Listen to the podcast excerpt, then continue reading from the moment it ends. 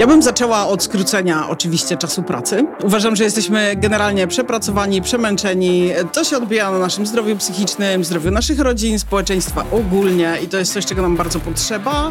Y, jesteśmy jednym z najbardziej pracujących narodów w Europie, a tak z wynagrodzeniem za tą pracę i jakąś mo możliwością odbudowania swoich sił po pracy jest, kurczę, kiepsko i coraz, chyba coraz bardziej kiepsko. E, co jeszcze szybko? E, prawa kobiet oczywiście.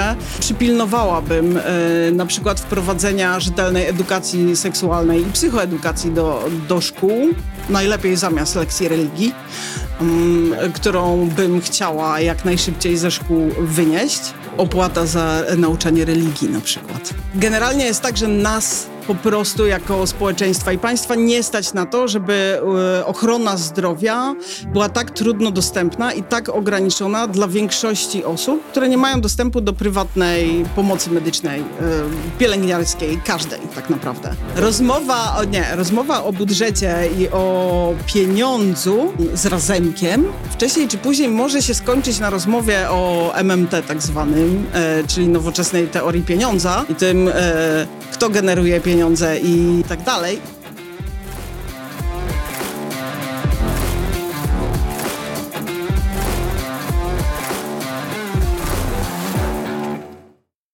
Dzień dobry, Marta.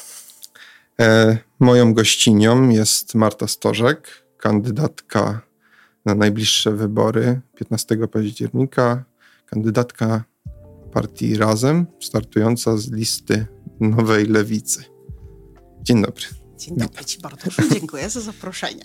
Ja również dziękuję. Y, dodam tylko, że na chwilę obecną mam potwierdzonych trzech gości.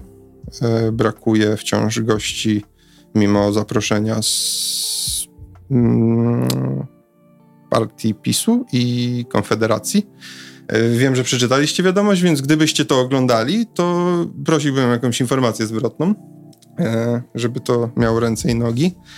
E, I przejdźmy do pytań do ciebie w oparciu o twój plan, o twoje plany, o to, jak ty chcesz widzieć ten nasz kraj za jakiś czas.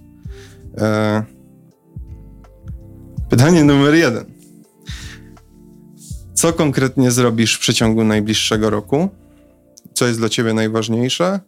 Żeby twoi przyszli wyborcy mogli po tym roku zweryfikować, że już się czymś zajęłaś i coś zrobiłaś? W moich największych marzeniach, mhm. pierwsze co bym zrobiła, bo to, bo to jest rzecz, którą długo, y, długo rozkminialiśmy mhm. y, partyjnie, co by trzeba, od czego by trzeba było zacząć. Mhm. Um, ja bym zaczęła od skrócenia oczywiście czasu pracy. Okay. Y, uważam, że jesteśmy generalnie przepracowani, przemęczeni. To się odbija na naszym zdrowiu psychicznym, zdrowiu naszych rodzin, społeczeństwa ogólnie i to jest coś, czego nam bardzo potrzeba. Jesteśmy jednym z najbardziej pracujących narodów w Europie. Um, a tak z wynagrodzeniem za tą pracę i jakąś mo możliwością odbudowania swoich sił po pracy jest, kurczę, kiepsko i coraz, mhm. chyba coraz bardziej kiepsko. Um, co ja bym chciała zrobić przez ten rok? Oprócz tego oczywiście um, chciałabym się przysłużyć i przyłożyć swoje głosy do tego, żebyśmy jak, jednak ogarnęli nasz system prawny i wrócili e, no, w pełni do Unii Europejskiej, do tego towarzystwa krajów, które szanują swoje wyroki sądowe. Mhm. E, to jest na szybko, potrzebujemy pieniędzy z Unii, e, to trzeba zdecydowanie zrobić. Chciałabym też w przeciągu tego roku e, szybko postawić na nogi z powrotem służby zajmujące się na przykład badaniem czystości rzek, pilnowaniem wwozu śmieci do Polski um, czyli takimi ekologicznymi rzeczami, z którymi mamy coraz większe problemy. One już urosły do naprawdę niebotycznych i no jest naprawdę już nie ma czasu, żeby się tym zajmować, to po prostu już musi być zrobione. Mhm. E, co jeszcze szybko? E, prawa kobiet oczywiście, bo to jest też coś, co na bieżąco zabija ludzi w Polsce. E, i pro, e, produkuje ogromne problemy dla naprawdę całych rodzin i całych mhm. e, mniejszych lub większych społeczności. Kolejna rzecz jest taka, mm, też bardzo szybko, zaczęłabym w końcu, um, nie wiem, przypilnowałabym y, na przykład wprowadzenia rzetelnej edukacji seksualnej i psychoedukacji do, do szkół. Oh, najlepiej zamiast lekcji religii, um, okay. którą bym chciała jak najszybciej ze szkół wynieść. Um, na szybko jeszcze, co bym zrobiła. No. Mogę dopytać? Mhm. E, a co z tymi, którzy chcieliby uczęszczać na lekcje religii? E, ja jestem osobą pochodzącą z katolickiego domu.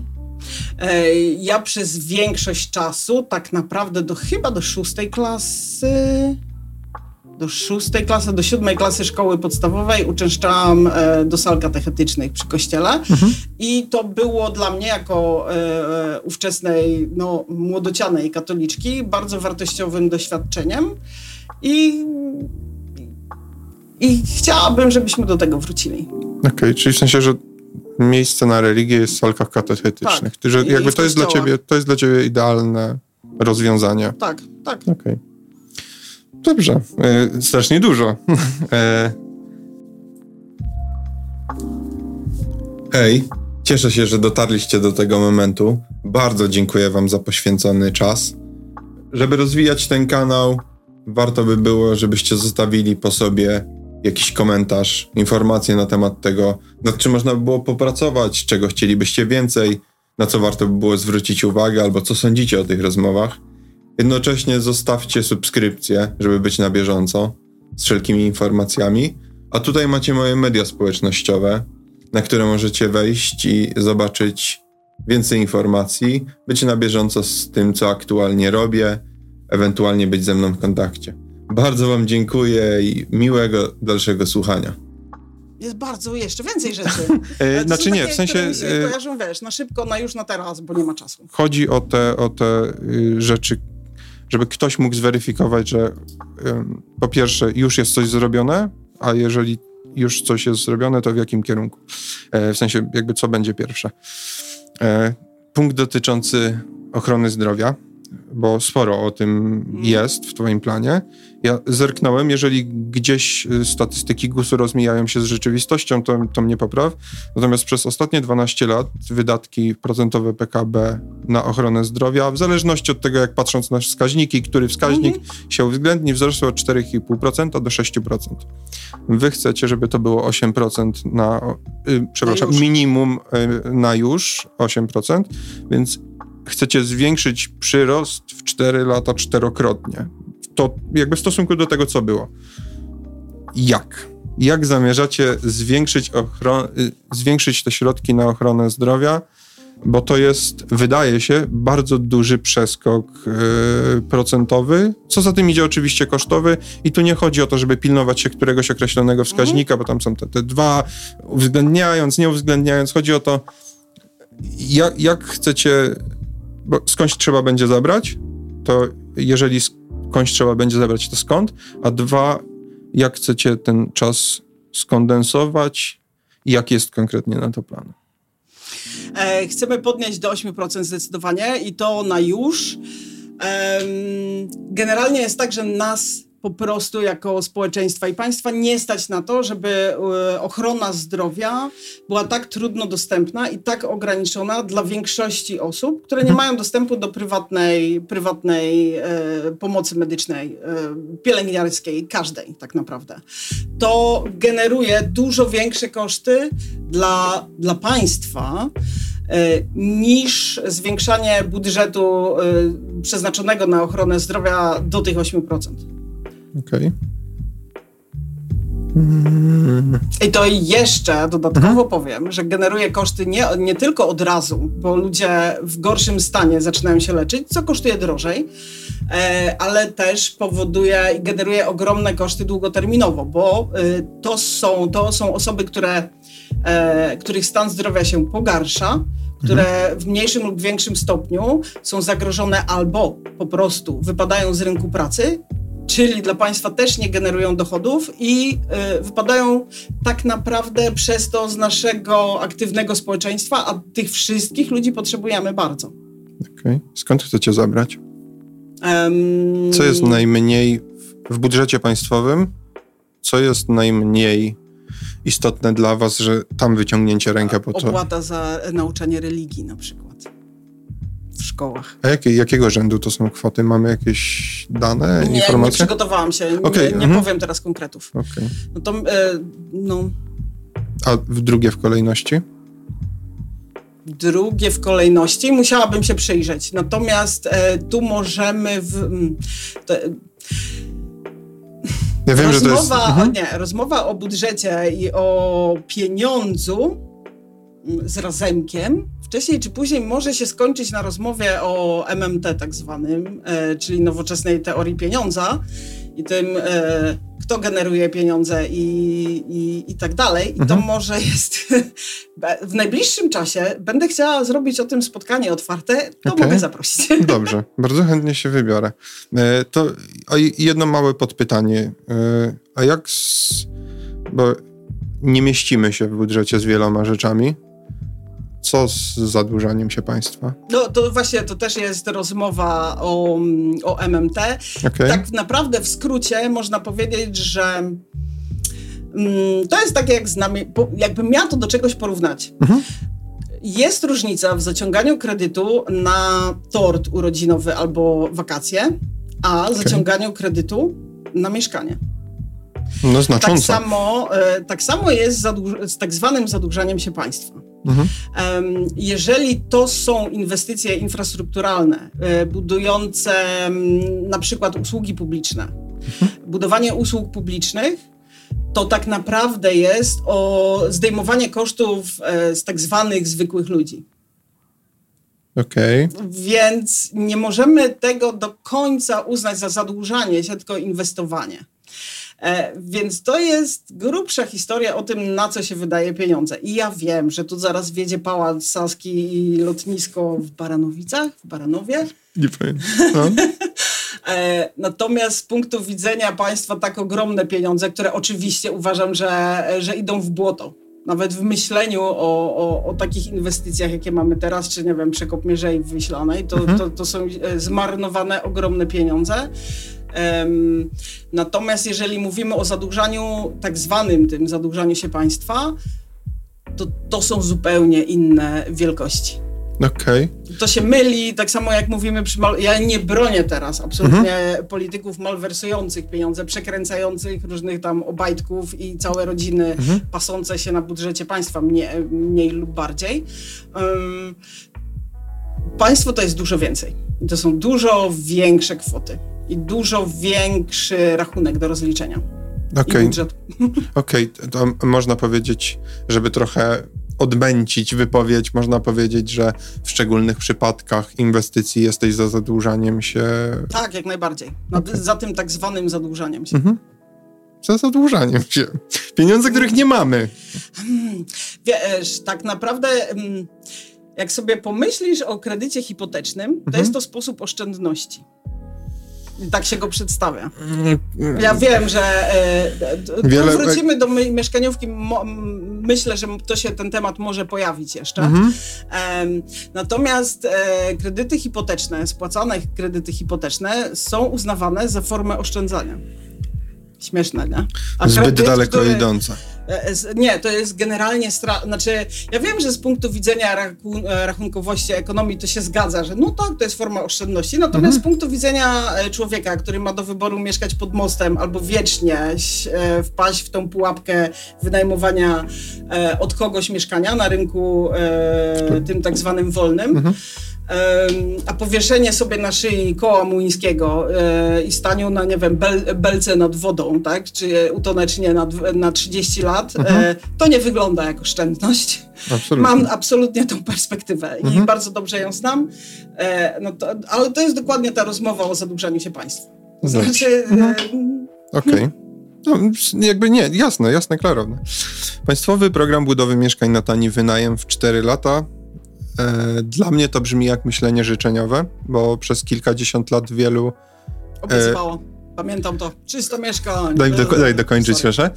E, wielu nie tylko polityków, ale ugrupowań, partii, grup e, nie było w stanie wprowadzić nawet programu pilotażowego, efektywnego, bo mówimy o efektywnym czymś, co przyniosło realne korzyści. Jak, wy, jak ty masz zamiar się za to zabrać? E, państwo budujące mieszkania i samorządy budujące mieszkania e, to jest coś, co się miejscami w Polsce wydarza. Okay, przykład? To jest szokujące. przykład to jest na przykład e, to jest Sopot. To jest jedna z bogatszych, owszem, e, e, miast w, w Polsce, mhm. ale to jest miejsce, gdzie Sopot buduje mieszkania komunalne.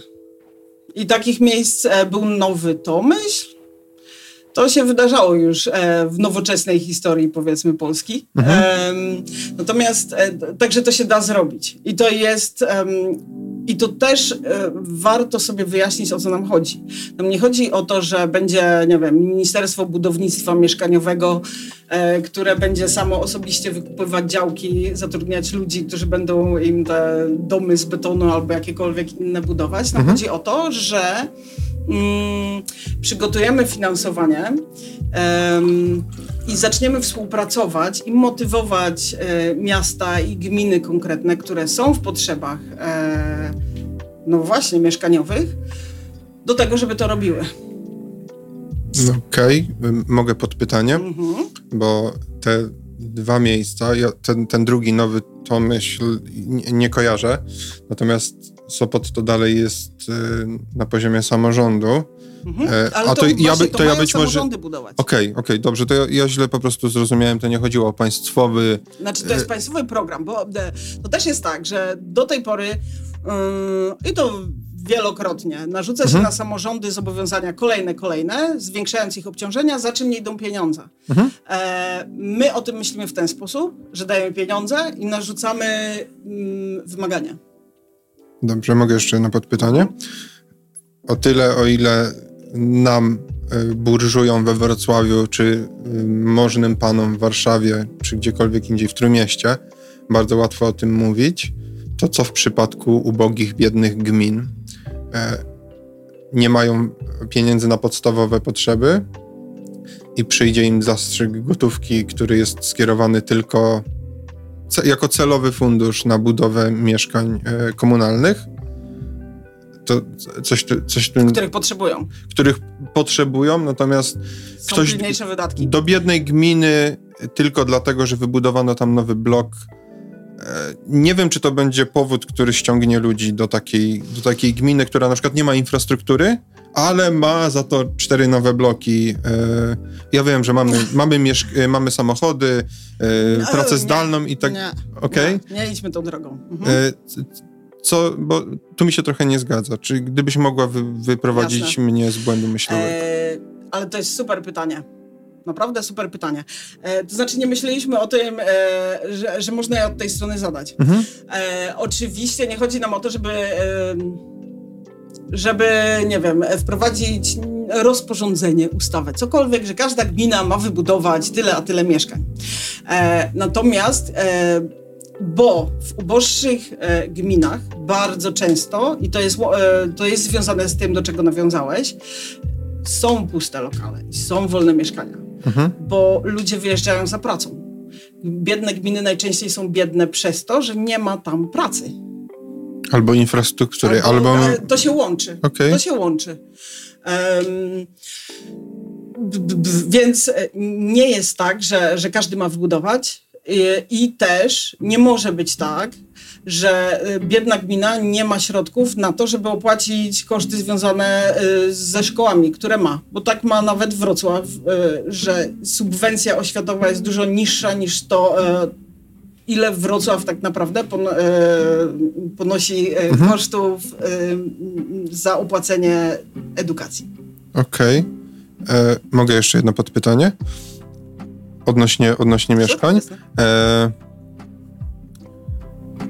czy widzisz zagrożenie takie, że gminy, które mają na przykład dobrą infrastrukturę, miejsca pracy, będą się rozwijały znacząco o rzędy wielkości szybciej niż gminy, które mają kłopoty? Tak, do tej pory tak jest. E, natomiast e, odpow- znaczy rozwiązanie tego mhm. jest, e, jest też bardzo wielowątkowe, bo po pierwsze to jest infrastruktura, ale tak naprawdę przede wszystkim to jest na przykład e, te gminy są w większości przypadków gminami wykluczonymi komunikacyjnie. To jest mhm. pierwsza z takich infrastrukturalnych rzeczy, która musi być e, przywrócona tym gminom. Um, nikt nie będzie w nich mieszkał, że, bo nie ma jak dojechać do szkoły czy na do przykład. pracy. Mhm. E, jest to za, albo musi go być stać na samochód, a to jest drogie i nie chcemy tego, bo to jest totalnie obciążające dla środowiska i nie, to jest tak naprawdę też złodziej czasu mhm. e, naszego codziennego, jeżdżenie, prowadzenie samochodu. E, dla naszej psychiki dużo mniej obciążające jest jednak to, że jesteśmy więzieni i nie wiem, możemy słuchać muzyki, rozmawiać z, z koleżanką, sąsiadką albo cokolwiek innego. Mhm. Ale druga rzecz, oprócz infrastruktury, to jest to, że może w końcu trzeba wrócić do pomysłu decentralizacji um, no, władzy tak naprawdę w Polsce. To znaczy wszystko, wszystko dzieje się w Warszawie. E, my mamy taki pomysł, żeby część przynajmniej urzędów, nawet ministerstw jak się da, wynieść z tej Warszawy do takich mniejszych gmin, komunikując je, no i trochę dając im życie przez to. To strasznie brzmi, że przenosicie burżujów z Warszawy, chcecie przenieść burżujów z Warszawy. No oni wciąż do... będą burżujami. Tak, i, i, specjalnie dla nich budować infrastrukturę. E, ale okej. Okay. E, w kontekście... Ale może wtedy jej nie zlikwidują, jak się coś, bo jednak korzystają z jest, infrastruktury. Jest nie? jakaś szansa. E, w kontekście zieleni i przestrzeni publicznych, o których też sporo piszesz, deweloperzy zasilają sporą kwotą budżet i zasoby miasta, na przykład Wrocławia. Jak zamierzacie powstrzymać deweloperów przed odgradzaniem się i taką wszechobecną betonozą? Skoro oni mogą powiedzieć, to wiecie co, to my mamy gdzieś tam inwestycję zrealizujemy ją sobie w mieście, które nie będzie nam narzucać ograniczeń. Um, Okej, okay. tylko że deweloperzy to głównie jednak so, jest mieszkaniówka i te super ekstra mikro apartamenty, na przykład ostatnio modne te, e, mhm. modne te luksusowe 9 metrów kwadratowych, na którym naprawdę można się spełniać życiowo. E, Z łazieńką. Więc, e, więc my byśmy zastąpili jednak deweloperów e, mieszkaniami komunalnymi i bardziej zależy nam na tym, żeby z czasem e, wypychać wypychać e, mieszkaniami miejskimi, samorządowymi e, no, deweloperów z rynku. Mogę Natomiast po... teraz mhm. czym można e, ścigać i zacząć to wprowadzać? To znaczy niestety trzeba, trzeba trochę pozmieniać prawo. Mhm. Um, to już się zaczyna zmieniać, to znaczy już widziałam nie wiem, parking przy wrocławskim Marino, który, na którym ostatnio jest wielki remont, e, bo kładzie się tą siatkę taką betonową, bo ona bardziej chłania wodę, bo to jest podatek, podatek od wody e, opadowej, tak, deszczowej, mhm. którą, no, którą się zrzuca do burzówki. Okay. E, to są rzeczy, które częściowo już działają. Przed nami dużo więcej. Przed nami dużo więcej dlatego, bo no, jesteśmy w trakcie zmian klimatycznych, które czujemy na co dzień, mniej lub bardziej. E, one nie będą łagodniejsze, a my chcemy przeżyć jednak jako ludzkość. Okay. Świat sobie poradzi, ale no my kiepsko. Mogę I... pod pytanie? Hmm? Serio uważacie, że nie mam innego słowa, ale pozwól, że użyję takiego skrótu, w dużym cudzysłowie, państwowe budownictwo. E, samorządowe. Przepraszam, samorządowe budownictwo lokalne przez państwowy program e, wyprze prywatnych deweloperów? Tak. Okej. Okay. E, płaca minimalna.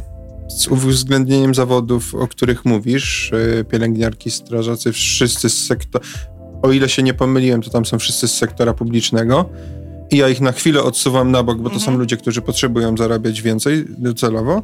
Natomiast płaca minimalna dotknie wszystkich, w tym małych i średnich przedsiębiorców.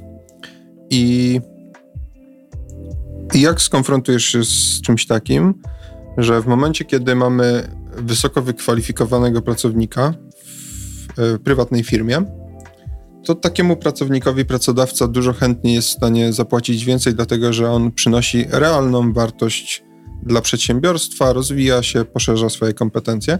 W zamiast tej podwyżki ten sam pracodawca będzie musiał zapłacić niżej wykwalifikowanemu pracownikowi.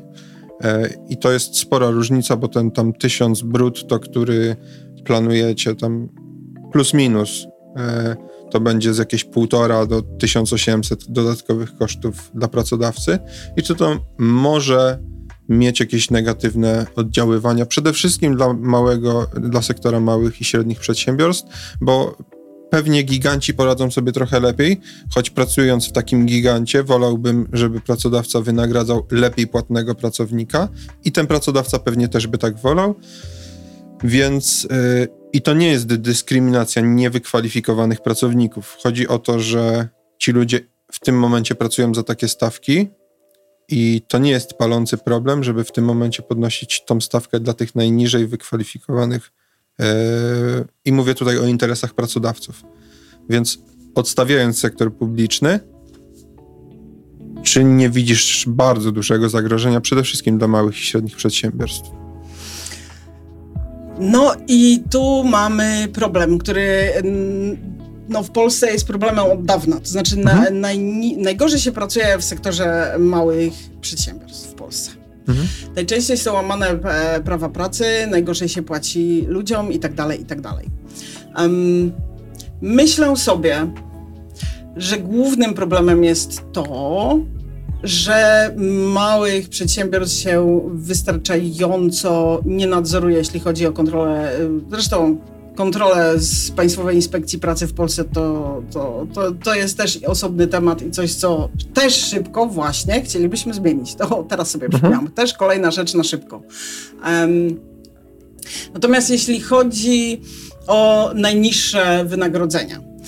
Najniższe wynagrodzenia ja generalnie i my generalnie mamy takie przekonanie, że ktokolwiek pracujący 8 godzin, czy tą podstawowy pełny etat, ma obowiązkowo mieć tyle pieniędzy, żeby był w stanie godnie żyć. Dobrze. Wraz z rodziną. Mhm. um, no a jeżeli mówimy na przykład o Wrocławiu, no. no to ciężko we Wrocławiu jest godnie żyć za, za najniższą. Zwłaszcza jak się jest samodzielnym człowiekiem. No? Okej, okay, mogę podpytanie. Mhm. Bo y, oprócz tego, że to będą dodatkowe koszty dla sektora małych i średnich przedsiębiorstw, być może, ja, ja domniemam, pewnie ekonomiści by mnie poprawili, ale wydaje mi się, że na tych dużych zrobi to mniejsze wrażenie. Natomiast podnoszenie płacy minimalnej podnoszenie różnego, razu, różnego rodzaju zasiłków, dodatków itd. Tak przełoży się na prędzej lub później, mniejszy lub większy wzrost cen. E, mam wrażenie, dodam tylko i, i, jeżeli gadam jakieś głupoty, to mnie popraw. Natomiast mam takie wrażenie, że to jest takie dążenie za wszelką cenę do tego, żeby wszystkim było dobrze i równo, ale w długofalowej perspektywie to przyniesie dużo większe straty i może nieść dużo więcej zagrożeń niż pożytku. Ale pokaż mi, gdzie się mylę. E, istnieje takie przekonanie e, w naukach ekonomicznych, e, że jak się masowo, po, pierwsze, że istnieje coś takiego jak mm, najlepszy zdrowy procent bezrobocia. Mhm co jest samo w sobie strasznie creepy, jak się tak jako ludzie zastanowimy, że um, jest myśl ekonomiczna, obecnie naprawdę w głównym nurcie, która zakłada, że stać nas na to, żeby część e, z nas, i to jest dobre dla nas wszystkich, nie pracowała i nie mogła znaleźć, nie było dla niej pracy. Ten czy inny sposób była przez nas utrzymywana albo, nie wiem, żebrała na przykład, nie? okay. i traciła swoje tak naprawdę umiejętności i tak dalej, i tak dalej. E, drugi trend jest taki, że się mówi, że nie można pracownikom podnosić pensji i płacić lepiej, bo to spowoduje inflację. no, ale my tutaj nie mówimy o, hmm, o tym, że każdemu podniesiemy pensję o 50%. To jest tylko grupa ludzi, e, która te pieniądze wyda na takie podstawowe e, potrzeby życiowe, to nie będą osoby, które od razu zaczną inwestować, nie wiem, w nieruchomości albo kupować, e, nie wiem, inwestować na giełdzie i wchodzić w bitcoina, czy nie wiem, co tam teraz jest, jakieś tam fundusze od SI, nie? Okej, okay, mogę mhm. podpytanie. Jaki jest procent ludzi zarabiających najniższą krajową w Polsce? Mm, Albo jak, jakiego, jakiego rzędu to jest grupa ludzi?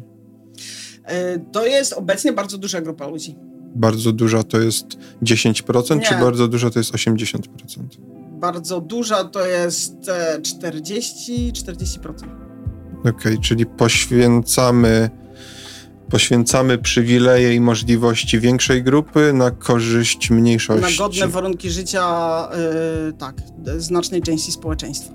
Okej, mogę jeszcze jedno podpytanie. Mhm. Nie szkoda wam tych pracowników, którzy się bardzo mocno starają i być może przez mm, podniesienie płacy minimalnej nie będzie podwyżek dla nich, przez to, że będzie trzeba tych mniej umiejętnych yy, dofinansować? Ehm, To takie serio, całkiem Ja ludzkie wiem, pytanie. Ja wiem.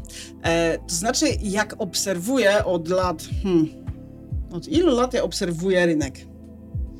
Em, no, od dwudziestu paru zapewne. Mhm. To nie zdarzyło mi się widzieć e, takiego mechanizmu, oprócz na przykład osób, które, których część wynagrodzenia jest związana z zyskami, które przyjmują firmy, jakieś premie od sprzedaży i tak dalej, i tak dalej. No.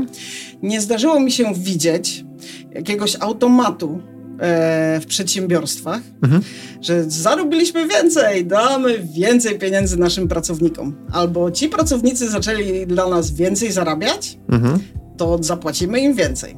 W sektorze IT, w umowach Tak. B2B bardzo popularna rzecz. E, tak, głównie przez to, że specjalistów w tym sektorze brakuje. Zwłaszcza wysoko wykwalifikowanych. Okej. To niestety zawsze tak działa, nie? Także ja wiem, ja wiem o co chodzi, e, e, rozumiem ten trend ślowy, ale to jest powiązane z tym, bo e, w takim powszechnym, liberalnym myśl, liberalnej myśli ekonomicznej często, często to się pojawia, że jak będę człowiekowi płacił więcej, to jemu się nie będzie chciało pracować. Nie? Że będzie nagradzany za lenistwo czy coś tam, bo, bo muszę mu więcej zapłacić, nie? Nie wiem, nie spotkałem się z takim podejściem. E, bo będę wynagradzał tylko tych, co ciężej pracują. A z takim częściej. I to Mm. bardzo uczciwe podejście. Em, no ale z drugiej strony, jeżeli ktoś e, pracuje kiepsko i go nie potrzebuje, to po co go zatrudniam? Okej, mogę szybki eksperyment myślowy? Mhm. Wyobraźmy sobie pracodawcę, którego firma wypracowała w skali miesiąca 100 tysięcy złotych. Ma do opłacenia 10 pracowników na pensji minimalnej, których powiedzmy koszt na chwilę obecną z głowy tam plus minus 47 z groszami, zostaje mu 54. I teraz ma do wyboru albo docenić najlepiej pracujących w formie jakiejś ekstra premii, albo podnieść ten koszt ogólny wszystkich pracowników do 64 z groszami. Yy, to też w zależności od, od, od różnych, ale plus minus o 15, 14-15 tysięcy więcej. To on mógłby przeznaczyć na, tak naprawdę tylko małą część tego przyszłego wydatku, na przykład po to, żeby docenić jednego, dwóch najbardziej starających się pracowników. Uważam, że to płacenie wszystkim, no to znaczy y, pracodawca, który płaci wszystkim obligatoryjnie, bo tak mu państwo nakazuje, żeby płacił im więcej niż na przykład ich praca jest warta, bo zdarzają się takie sytuacje. E, A naprawdę? I zatrudniają ludzi, których praca e, za więcej, bo ludzi, których e, praca jest mniej warta? no to proponujecie to. Mamy w tym... nie, właśnie totalnie nie. To Okej. znaczy, w Mhm. ogóle to jest wciąż to. Mhm. Od kiedy to pracodawcy zatrudniają ludzi, których nie potrzebują? Nie, nie. Pracodawcy, no tak, to praco, jest dokładnie to. Pracodawcy zatrudniają ludzi w oparciu, powiedzmy, o, o jakieś tam wynagrodzenie. W tym momencie te minimalne 4 z hakiem. Eee, co kosztami jest oczywiście w- większymi. Jak podniesiecie płacę minimalną, to za tą samą pracę będą musieli im płacić więcej. Skoro do tej pory nikt nie zmienił pracy. E, Na przykład, jeżeli ma takie możliwości, oczywiście, e, nie zmienił pracy ze względu na to, że e, odpowiada mu ta pensja, to znaczy, że podnoszenie tej pensji nie jest jakoś super konieczne. Pokrętnie, ale nie wiem, nie. nie, wiem, rozumiem, rozumiem, rozumiem pytanie, e, spoko, fajnie, to jest to, jak ostatnio byłam, e, weszłam na, pra, na protest e, pracowników, kurierów z Volta no. którzy są skandalicznie wynagradzani. Już pomijając fakt, że wszędzie na zachodzie kurierzy rowerowi dostarczający, nie wiem, jedzenie, mhm. pracują na umowach o pracę, a nie na jakichś wynieść, przynieść po zamiatach e, aplikacji, tablicach w apce, tak? Okay. Um, co nie jest totalnie uczciwe. Mhm. Um, nagrałam z tego filmik, opublikowałam w socialach. Dostałam parę komentarzy takich, że jak się nie podoba, to niech znajdą inną pracę.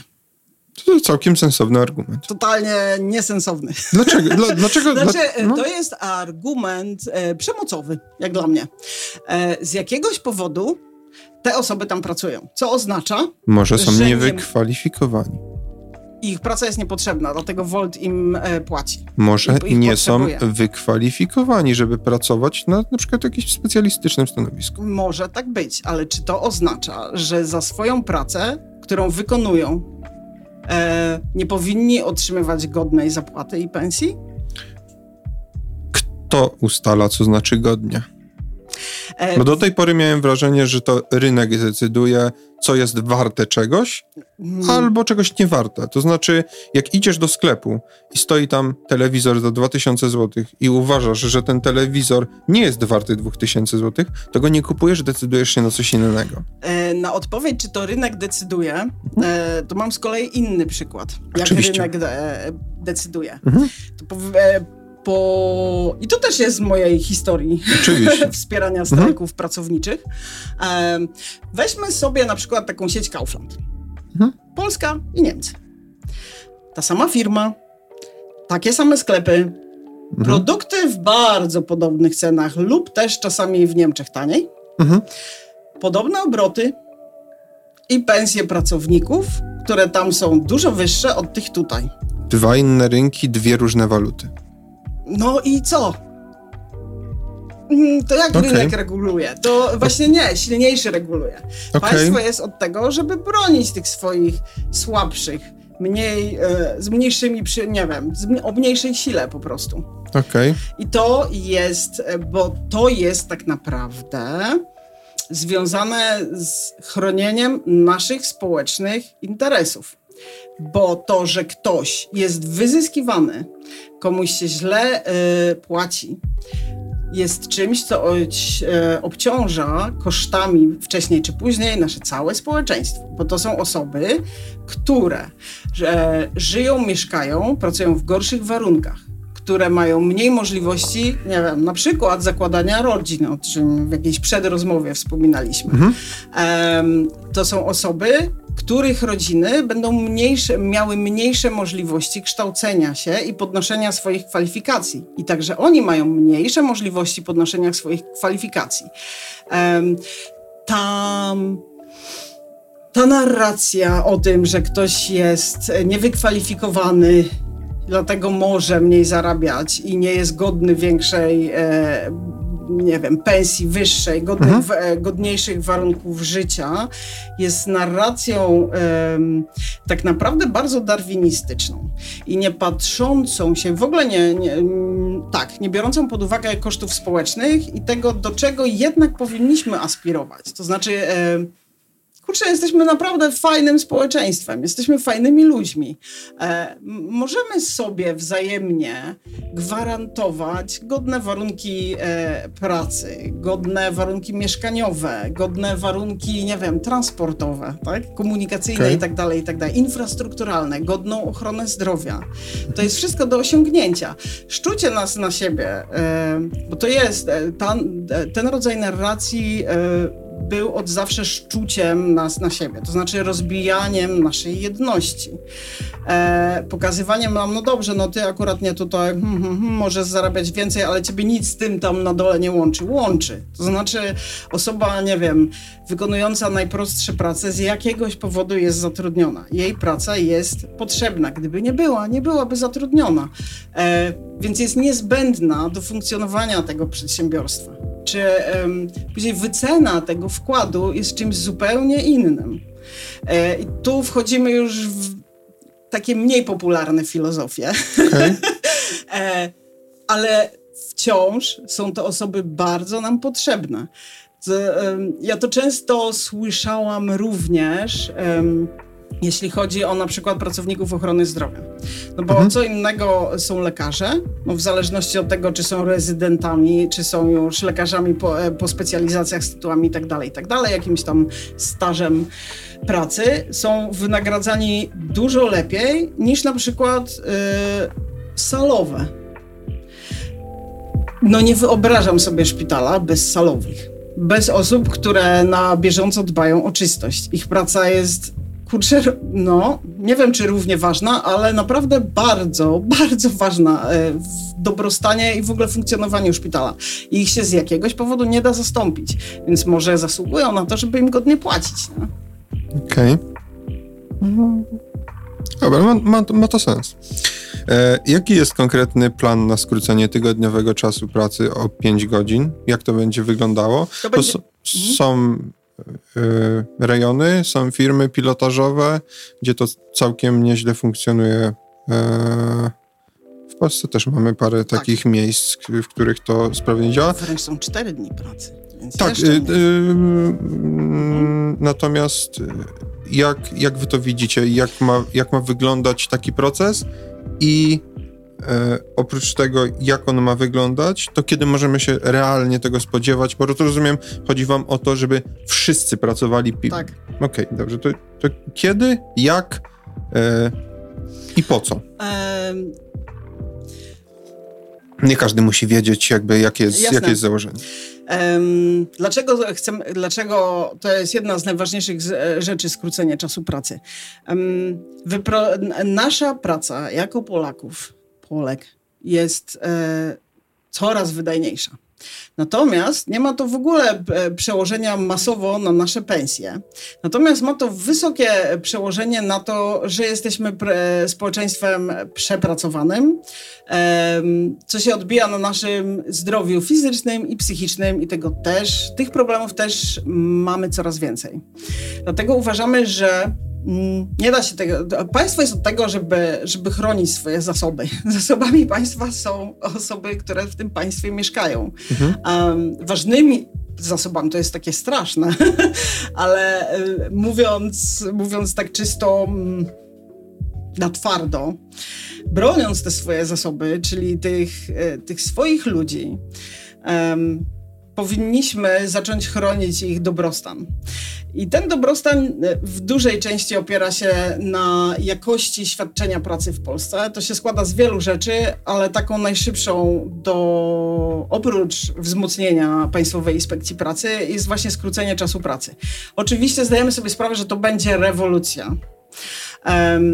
I też zdajemy sobie sprawę z tego, y, że przez to nie możemy zrobić tak, wiecie, że no dzisiaj powiedzmy jest, nie wiem, 16 mm, listopada, mm, zbieramy się w Sejmie, wprowadzamy, że skr- wprowadzamy skrócenie czasu pracy do nawet nie 4 dni, tylko 35 godzin i cyk wchodzi od grudnia. Um, bo wszyscy się musimy na to przygotować. Są zakłady pracy ciągłej. Um, Huty, kopalnie, szpitale, i parę, parę, bardzo dużo parę innych, gdzie mhm. jest ciągła e, właśnie praca, produkcja i tak dalej, i tak dalej. Mm, trzeba w nich dać im czas na to, żeby stopniowo mogły się przystosować do wzrastających e, kosztów pracy również. Dlatego e, przewidzieliśmy, że będziemy to po pierwsze e, wprowadzać stopniowo, a nie od razu 5 godzin mniej. I po drugie, że damy tym wszystkim organizacjom, firmom, przedsiębiorstwom czas na to, żeby mogły się do tego przygotować. Jaki to będzie czas? No pół roku na przykład. Ale od razu od razu przedstawimy program na całe 5 godzin, natomiast rozbijemy to na lata od kiedy do kiedy będzie ile. Okej. Okay. To ma być e, w domyśle 7 godzin dziennie, tak? Mm, nie, tu jest dowolność. Bo faktycznie to jest tak, że w zakładach pracy ciągłej um, łatwiejsze do ogarnięcia e, jest skrócenie do 4 dni pracy. No tutaj mhm. wiadomo, że po prostu 20% więcej trzeba e, mieć um, etatów na to, żeby, żeby zapewnić, zapewnić ciągłość pracy. E, przy 35 godzinach, mimo że jest to tańsze, trochę jest e, więcej z tym zabawy, bo wtedy to nie, przelicza się na równe tygodnie. No? A mhm. osoby jednak wciąż mogą pracować na tych całych zmianach wymaganych one po prostu w miesiącu nie mogą e, przepracować więcej niż te w przeliczeniu 35 godzin. Chodzi o, o cały mhm. ciągły wymiar, okej. Okay. Hmm, czy bo mówiłaś, że powiedzmy przygotowania pół roku, czy rok, mhm. dwa, połowa kadencji to jest realny czas, kiedy można by się było czegoś takiego spodziewać? E, myśleliśmy o czterech latach. Okej, okay. dobra. E, poza dyskryminacjami płacowymi, e, ten punkt dotyczący. Ja odniosłem takie wrażenie, ale jeżeli to jest złe wrażenie, to mnie wyprowadzi głównie pay gapu pomiędzy e, mężczyznami a kobietami. Jak chcecie zmusić kilku milionów pracodawców do, do wyjawienia mm, wynagrodzeń na stanowiskach, co jest dla wielu firm na przykład jakimś stra strategicznym elementem funkcjonowania. No to rozumiem, ta jawność to oczywiście, że ona zakłada pay gap, znaczy jakby mhm. niwelowanie pay gapu, natomiast y, rozumiem, że wszystkie firmy, wszystkie stanowiska, wszystkie ogłoszenia o pracę mają być jawne z podanymi widełkami, mhm. stawką godzinową, ukośnik stawką roczną. Ka każdy ma wiedzieć, na jakim stanowisku ile się zarabia. Mhm jak chcecie zmusić kilku milionów pracodawców do wyjawienia takich informacji? To właściwie nie, już je, nie jest już e, e, tak bardzo nasz problem, bo to są roz, e, regulacje unijne, które okay. musimy się e, podporządkować. No szkoda, że to właśnie czasami budzi takie ochiejciu, ochiejciu, co to będzie, co to będzie, bo to, to jest dość uczciwe w naszym, w naszym przekonaniu. Mhm. Żebyśmy sobie mm, mówili, ile zarabiamy. To znaczy ej, mamy państwo, które nas chroni przed tym, żeby jakiś złodziej nas nie napadł, mniej lub bardziej. Mhm. Możemy na to czasami narzekać, jak to funkcjonuje, yy, ale tak jednak jest i chcielibyśmy to zachować. Więc myślę, że mm, jak już zrezygnowaliśmy z budowy fos mhm. jakichś murów obronnych, możemy sobie, możemy sobie to, yy, to już pokazywać i możemy też yy, pokazać osobom pracującym w przedsiębiorstwach, mm, jak się kształtują te widełki płacowe? To jest czasami no, ważna informacja i wartościowa dla nich. Dobrze. Mogę podpytanie? Mhm. Zakładacie taki czarny scenariusz, w którym dla firm, dla których to są informacje strategiczne i kluczowe dla ich funkcjonowania, w jakikolwiek sposób, e, potrafię sobie wyobrazić taki scenariusz, e, mogą zniknąć z naszego rynku i zabrać miejsca pracy ze względu na to, że ta strategiczna informacja nie pozwoli im na dalsze funkcjonowanie efektywne? Bierzecie coś takiego pod uwagę? I ja wiem, że to jest hipotetyczny scenariusz, mhm. natomiast po, całkiem, całkiem świadomie dla całego na przykład giganta technologicznego jestem w stanie sobie wyobrazić, że lepiej jest mu przenieść za jedną albo za drugą granicę oddział, po to, żeby uniknąć... Znaczy poza Unią Europejską? E... Bo, bo o tym mówimy, nie? Mhm. Um... Żeby zni zniknąć z rynku po to, żeby nie zdradzić swoich strategicznych. E, elementów. Jasne. Myślę, że jeżeli e, taki jest to dla takich e, pracodawców i organizacji problem, to oni się już do tego szykują, bo to jest jasne, że to ich czeka. Po drugie... Mm, znikanie z rynku e, europejskiego niesie ze sobą duże koszty. Mhm. I e, Oczywiście każda pewnie większa firma, zwłaszcza globalne korporacje, e, skrupulatnie to liczą na bieżąco, czy jeszcze się opłaca płacić te straszne europejskie podatki, czy się ulokować, nie wiem, na Cyprze, na w Bangladeszu, w Indiach i gdziekolwiek mm, i być obciążonym później mm, na przykład cłami, nie? Um. Okay. No. I to jest coś, co te firmy robią na bieżąco, więc nie, nie sądzę, żeby to był jakiś dla nich nowy problem, bo te regulacje już weszły. Nie? One już wiadomo, że będą, wiadomo od kiedy, także to. A od kiedy? Mm, nawet nie wiem, czy nie od przyszłego roku, muszę to sprawdzić. Dobrze. Jak wygląda w konkretach wasz plan na. E, e, trochę mnie poprawiłaś przed rozmową, równość związków. E, równość małżeńską. Równość, przepraszam, równość małżeńską. E, co, co konkretnie chcecie zrobić i jaki jest na to pomysł? Chcemy konkretnie zrównać, umożliwić osobom wszystkim zawieranie małżeństw. Znaczy wszystkim oczywiście, jak są pełnoletnie i tak dalej, i tak dalej. nie bez zależności e, od tego, jak się płcie e, i tożsamości płciowe kształtują w danych związkach. Mm, co to oznacza? To oznacza, że będą to takie same małżeństwa jak każde inne. Mm. No i to jest właściwie cała, sama taka zmiana, nie? Za taką małą zmianą wchodzi to, że na przykład um, informacja medyczna. Będzie, tak, informacja medyczna również, ale jest ważniejsza rzecz, która, która, która się zmieni. E, zmieni się na przykład to, e, że przestanie być problemem wpisywanie e, w akty. Dziedziczenie? W, dziedziczenie również, w akty mhm. na przykład urodzenia dzieci. I, i tak. tego, że na przykład mają dwie matki. Albo dwóch ojców. A co z samotnymi ludźmi? samotnym ludziom będzie tak samo dobrze, jak teraz jest, albo tak samo niestety źle, jak im jest źle. Co mam nadzieję, że będzie tego, takich osób coraz mniej. Znaczy nie samotnych, tylko takich, którzy są w Polsce nieszczęśliwi. Okej. Okay. Czyli to, to, chodzi głównie o wyrównanie tego pułapu dla osób, które nie mogą zawrzeć związku tak, małżeńskiego, tak. partnerskiego.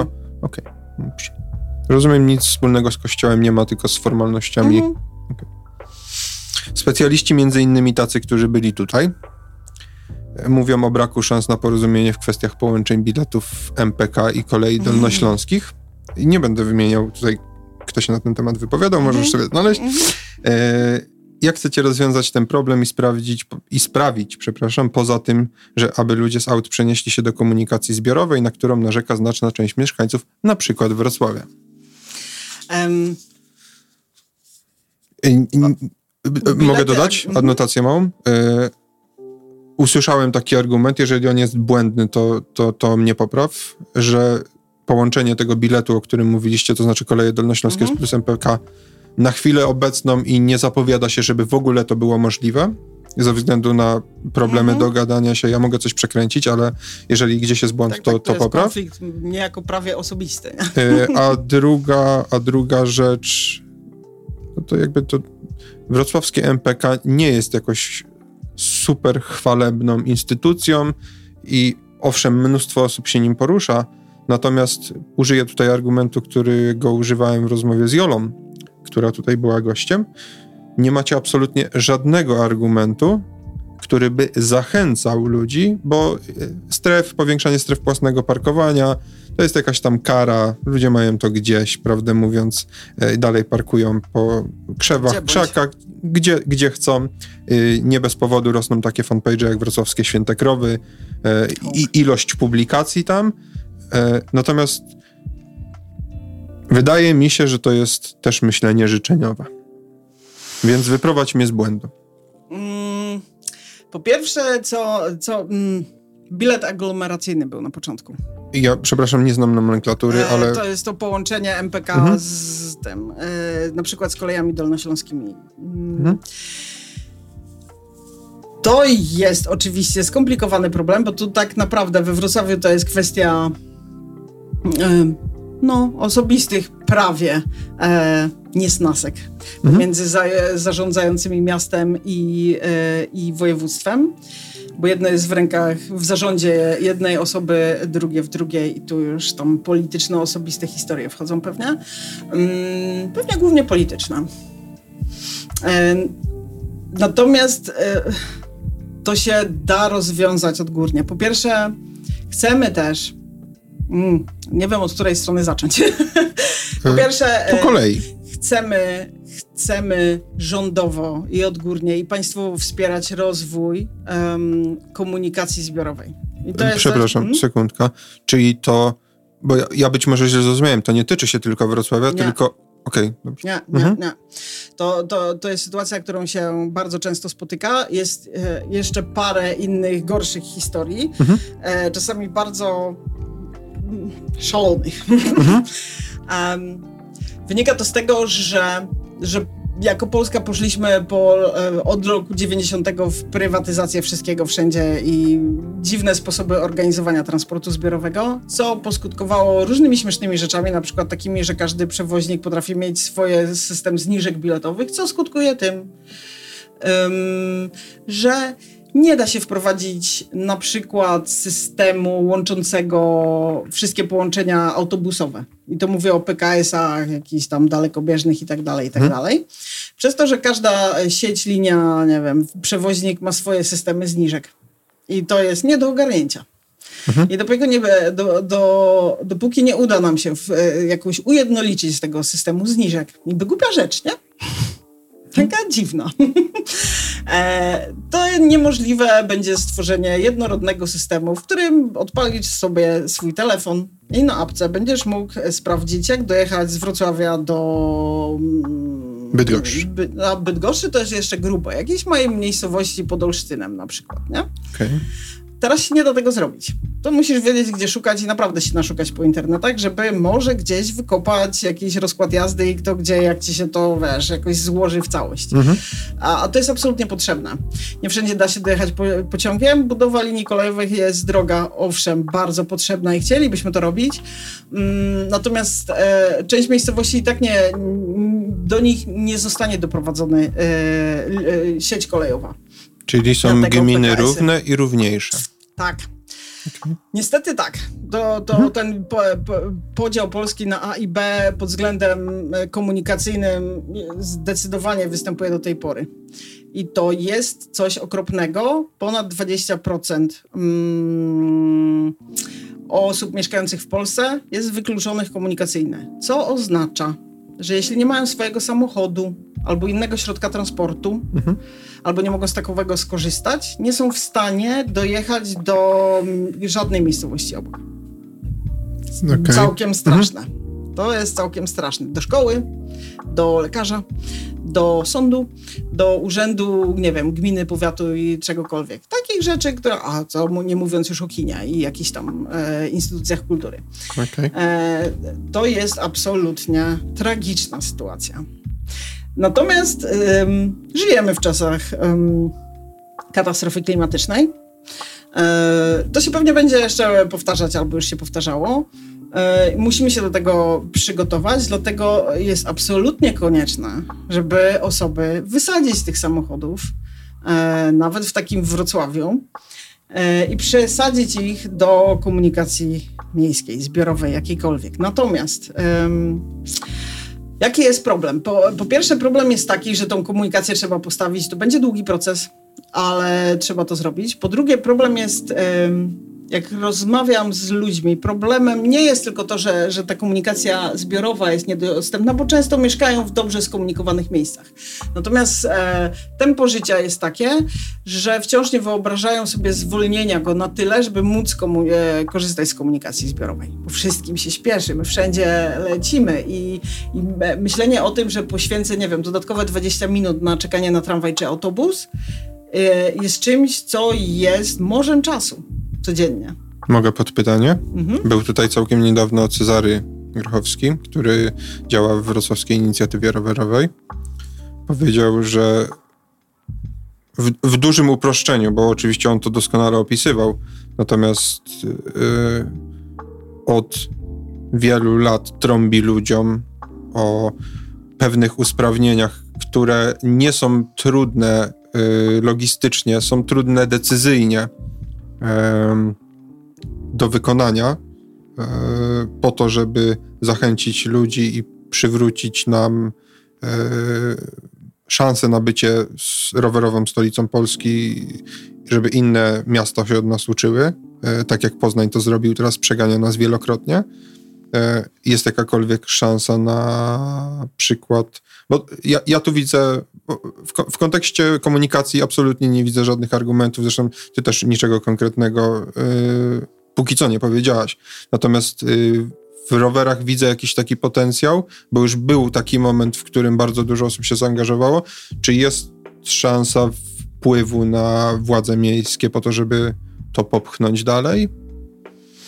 E, ja w nią głęboko wierzę. To znaczy, mm,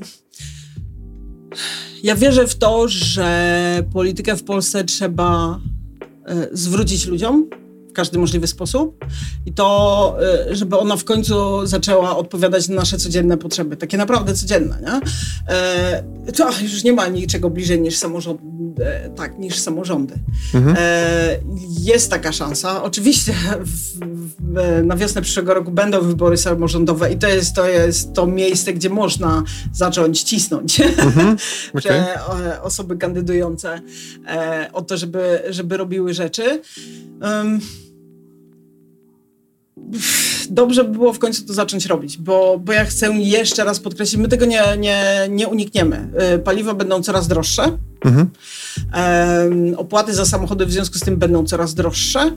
Nie jesteśmy w stanie jeden do jeden zastąpić i nie będziemy nigdy w stanie zastąpić e, samochodów spalinowych samochodami elektrycznymi. To się nie wydarzy. Z różnych względów i nawet nie, e, nie z tego powodu, który się wszystkim kojarzy od razu, to znaczy, że nie mamy póki co technologii i materiałów na to, żeby tyle baterii do tych samochodów wyprodukować. Mhm. Już nie mówię o składowaniu i recyklingu ich.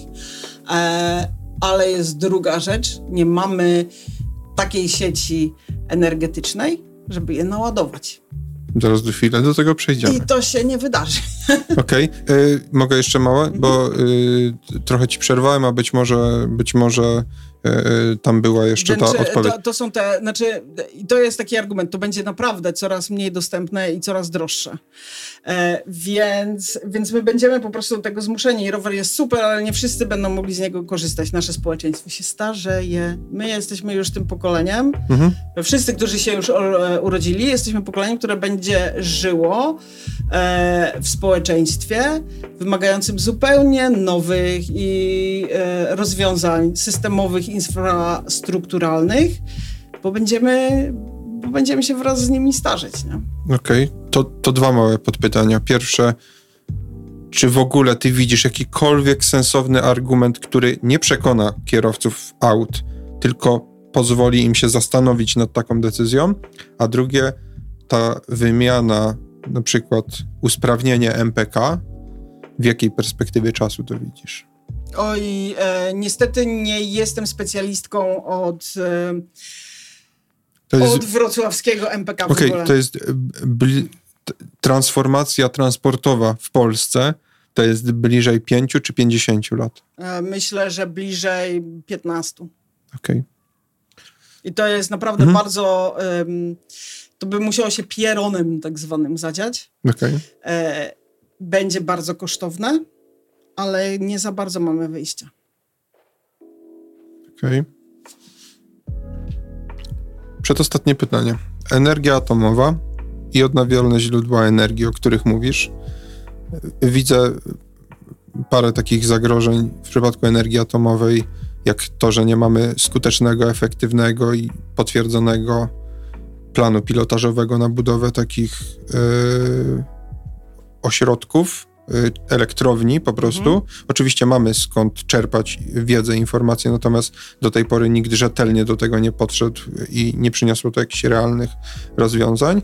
W przypadku y, odnawialnych źródeł energii taki częsty argument, y, który ja słyszę, mam okazję być dosyć blisko tych ludzi, którzy z fotowoltaiką mają do czynienia, to na przykład koszty banków energii, które przerastają niejednokrotnie koszty instalacji fotowoltaicznych, problemy z transformatami, transformatorami, szczególnie w miejscach, gdzie jest duże za mm, przepraszam, brakuje mi słowa za. Produkcja. Y, tak, gdzie, gdzie, gdzie dużo osób ma fotowoltaikę, wyłączające się falowniki, które mhm. nie pozwalają oddawać tej energii. Do tego taka firma na E i taka firma na ta druga. Mhm. E, na T. Na T. Tak, tak. przepraszam.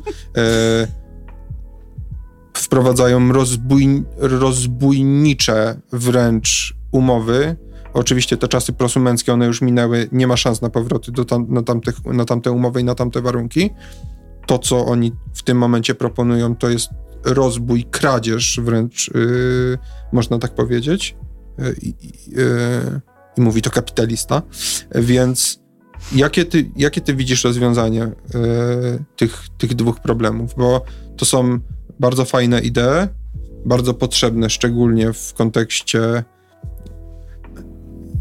nie widzę szans na to, że dzisiaj wygracie, wygrasz wybory i w ciągu czterech lat choćby powstanie plan pilotażowy budowy elektrowni Musi. atomowej. Hmm.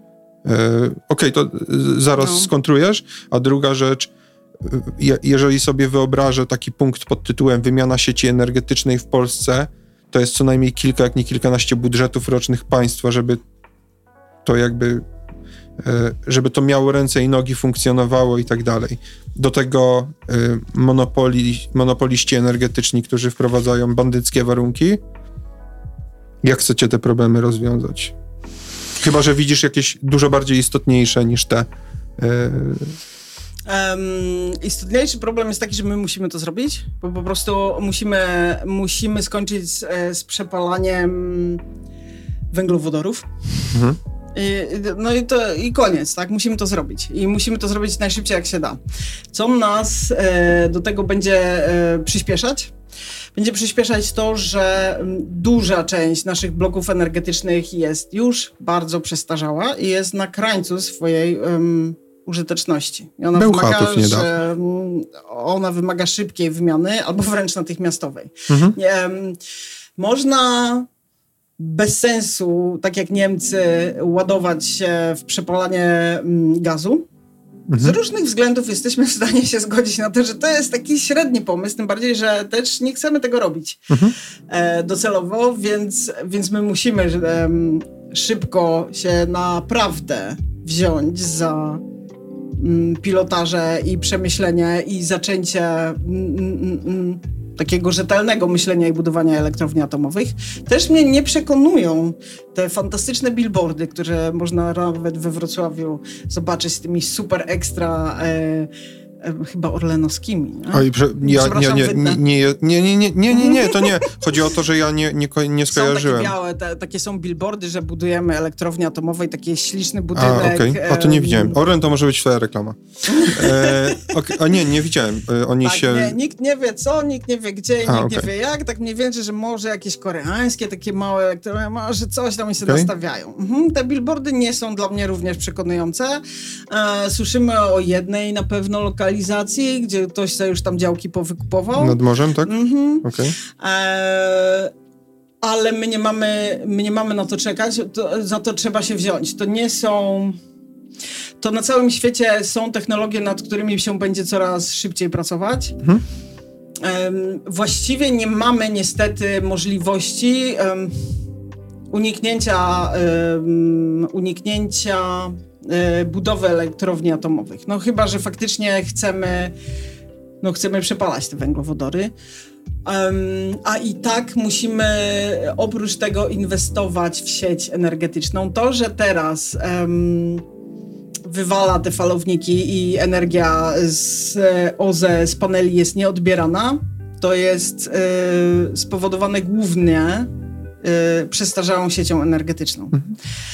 Nawet jeśli nie, później mamy pojemność sieci energetycznej, e, do której też nie, może, nie możemy wszystkiego podpiąć. I to mhm. się nie wydarzy. To znaczy nie będzie czegoś takiego. Żeby nasza sieć energetyczna mogła funkcjonować, nie wystarczą banki energii. One są ważne i trzeba też zacząć myśleć o nich, a może nad nowymi sposobami magazynowania energii.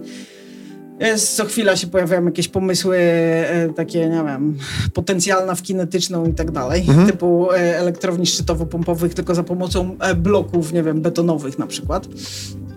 E, no, no to są, natomiast to są małe rzeczy. Musimy zmienić, e, więc ta e, energetyka atomowa jest nam niezbędna i nie mamy na to czasu. I to trzeba naprawdę robić szybko i dobrze by było, żeby... mam nadzieję, że będę w tej ekipie, która w końcu mm, odważnie i uczciwie podejdzie do tego tematu, który się nie będzie e, zamykał tylko w tym, żeby zatrudnić parę osób e, e, fachowych albo mniej fachowych, które będą siedzieć, nie wiem, w biurze i o czymś tam myśleć i będziemy im płacić pieniądze co miesiąc, tylko żeby z tych osób fachowych faktycznie zacząć korzystać i, i pracować nad już na teraz, na szybko rozwiązaniem i budową te, tej, e, a tak naprawdę chyba dwóch e, e, elektrowni atomowych. No, bo to niestety bo potrzebujemy tego, ale też jeśli chodzi o energetykę, musimy też się przyzwyczaić do tego, że będziemy inaczej o tym myśleć, projektując swoje, nie wiem, potrzeby energetyczne. I to jest coś też samorządowego, bo jeżeli chcemy ograniczać um, zużycie tej e, energetyki atomowej, to żeby nie było trzeba jej za dużo stawiać, mhm. e, to musimy zacząć projektować zużycie energii lokalnie. To znaczy próbować sobie zapewniać jak największą samowystarczalność lokalną. Tu produkuję, tu w tych godzinach, w tym czasie, w mhm. tym okresie, tu zużywam.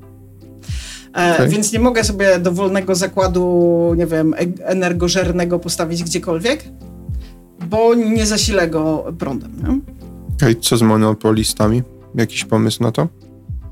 Bo to um, jest, y, wydaje mi się, że to jest spora grupa. Jeżeli to są jakieś brednie, to mnie popraw. Natomiast wydaje mi się, że to jest spora grupa ludzi, którzy wydali mnóstwo pieniędzy.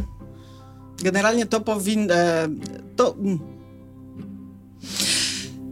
Energetyka atomowa, znaczy tak, sieć energetyczna powinna być państwowa, bo to są usługi publiczne, to jest infrastruktura. Chodzi o sam transfer, tak? Tak. Okay. To jest e, zdecydowanie coś. Yy, I tak naprawdę możemy mówić o, jeśli chodzi o te rzeczy zasilające, które będzie, bo to nie jest tylko OZE i to nie są tylko wiatraki, to są mhm. na przykład biogazownie, które też lokalnie możemy budować, właśnie w oparciu o takie lokalne zaspokajanie swoich lokalnych potrzeb. Okay. Um, I to już możemy robić jako spółdzielnie jakieś samorządowe. To niekoniecznie, to jest coś, do czego powinniśmy podejść. Zresztą mhm. jeśli chodzi o e, spółdzielczość energetyczną, fantastycznym przykładem jest Finlandia. Ta, w Finlandii e, nawet elektrownie atomowe są spółdzielniami tak naprawdę.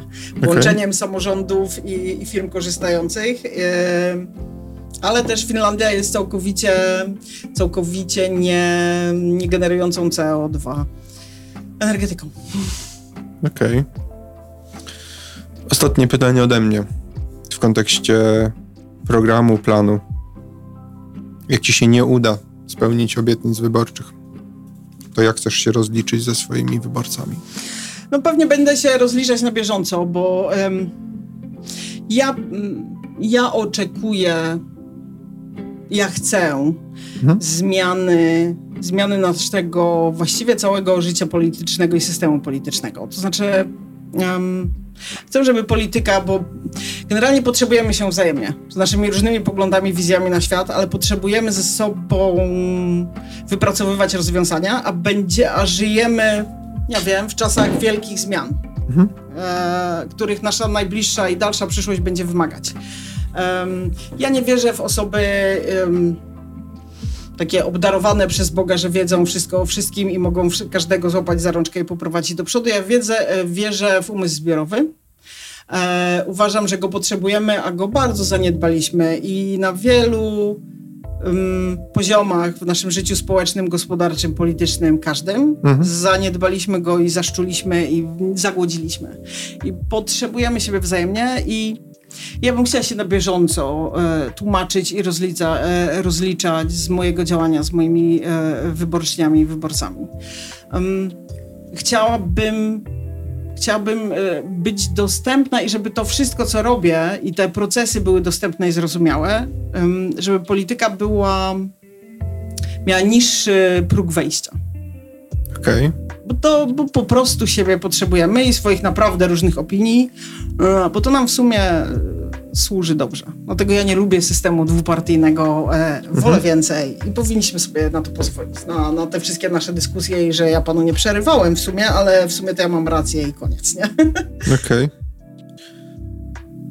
Także, jest... e, mhm. kochani wyborcy, wyborczynie, jeśli mnie słuchacie, ścigajcie mnie na bieżąco. Będę, no, ścigajcie mnie na bieżąco. Okej. Okay. Czegoś nie poruszyliśmy podczas tej rozmowy, a uważasz, że warto dodać od siebie? To jest miejsce dla ciebie. Dla tych, którzy do tej chwili wytrwali, i jeszcze nie są zdecydowani. Hmm, no oczywiście proszę was o głosy, nie? Bo to jeszcze będziecie mieli okazję wysłuchać mnie e, przed wyborami, przed e, 15 października. E, czekaj, żebyśmy powiedzieli. To jest lista Nowej Lewicy, e, pozycja numer dwa. Tak jest, pozycja numer dwa, Marta Stożek to ja. Um, tak, bardzo proszę was o głosy, bardzo proszę was o śledzenie tego, co, co, co będziemy razem robić, mam nadzieję. I dawanie pomysłów, jak, jak możemy się kontaktować i razem współpracować. Um, I jakie, nie wiem, no jakie rozwiązania wypracować wspólnie, tak żebyśmy mogli być w, ca- no, w bliższej relacji, w bliższym kontakcie, bo potrzebujemy się wzajemnie. I ja Was, kochani słuchacze i słuchaczki, też potrzebuję. I będę potrzebować, e, zwłaszcza e, jak 16 października okaże się, że wyszło super. Okej. Okay. Umieścimy wszystkie Twoje media społecznościowe, linki, e, kontakt do Ciebie. Więc jeżeli ktoś będzie miał jakiś pomysł, pytanie, wątpliwości, zastrzeżenia, to będzie mógł się bezpośrednio do Ciebie zgłosić. Ja bardzo Ci dziękuję za rozmowę. Bardzo dziękuję e, za zaproszenie. E, I mam nadzieję, że to jest e, jakiś początek drogi dla Ciebie, czego Ci serdecznie życzę po siedmiu latach w końcu dobry taki początek, nie? Dzięki śliczne. Dzięki wielkie.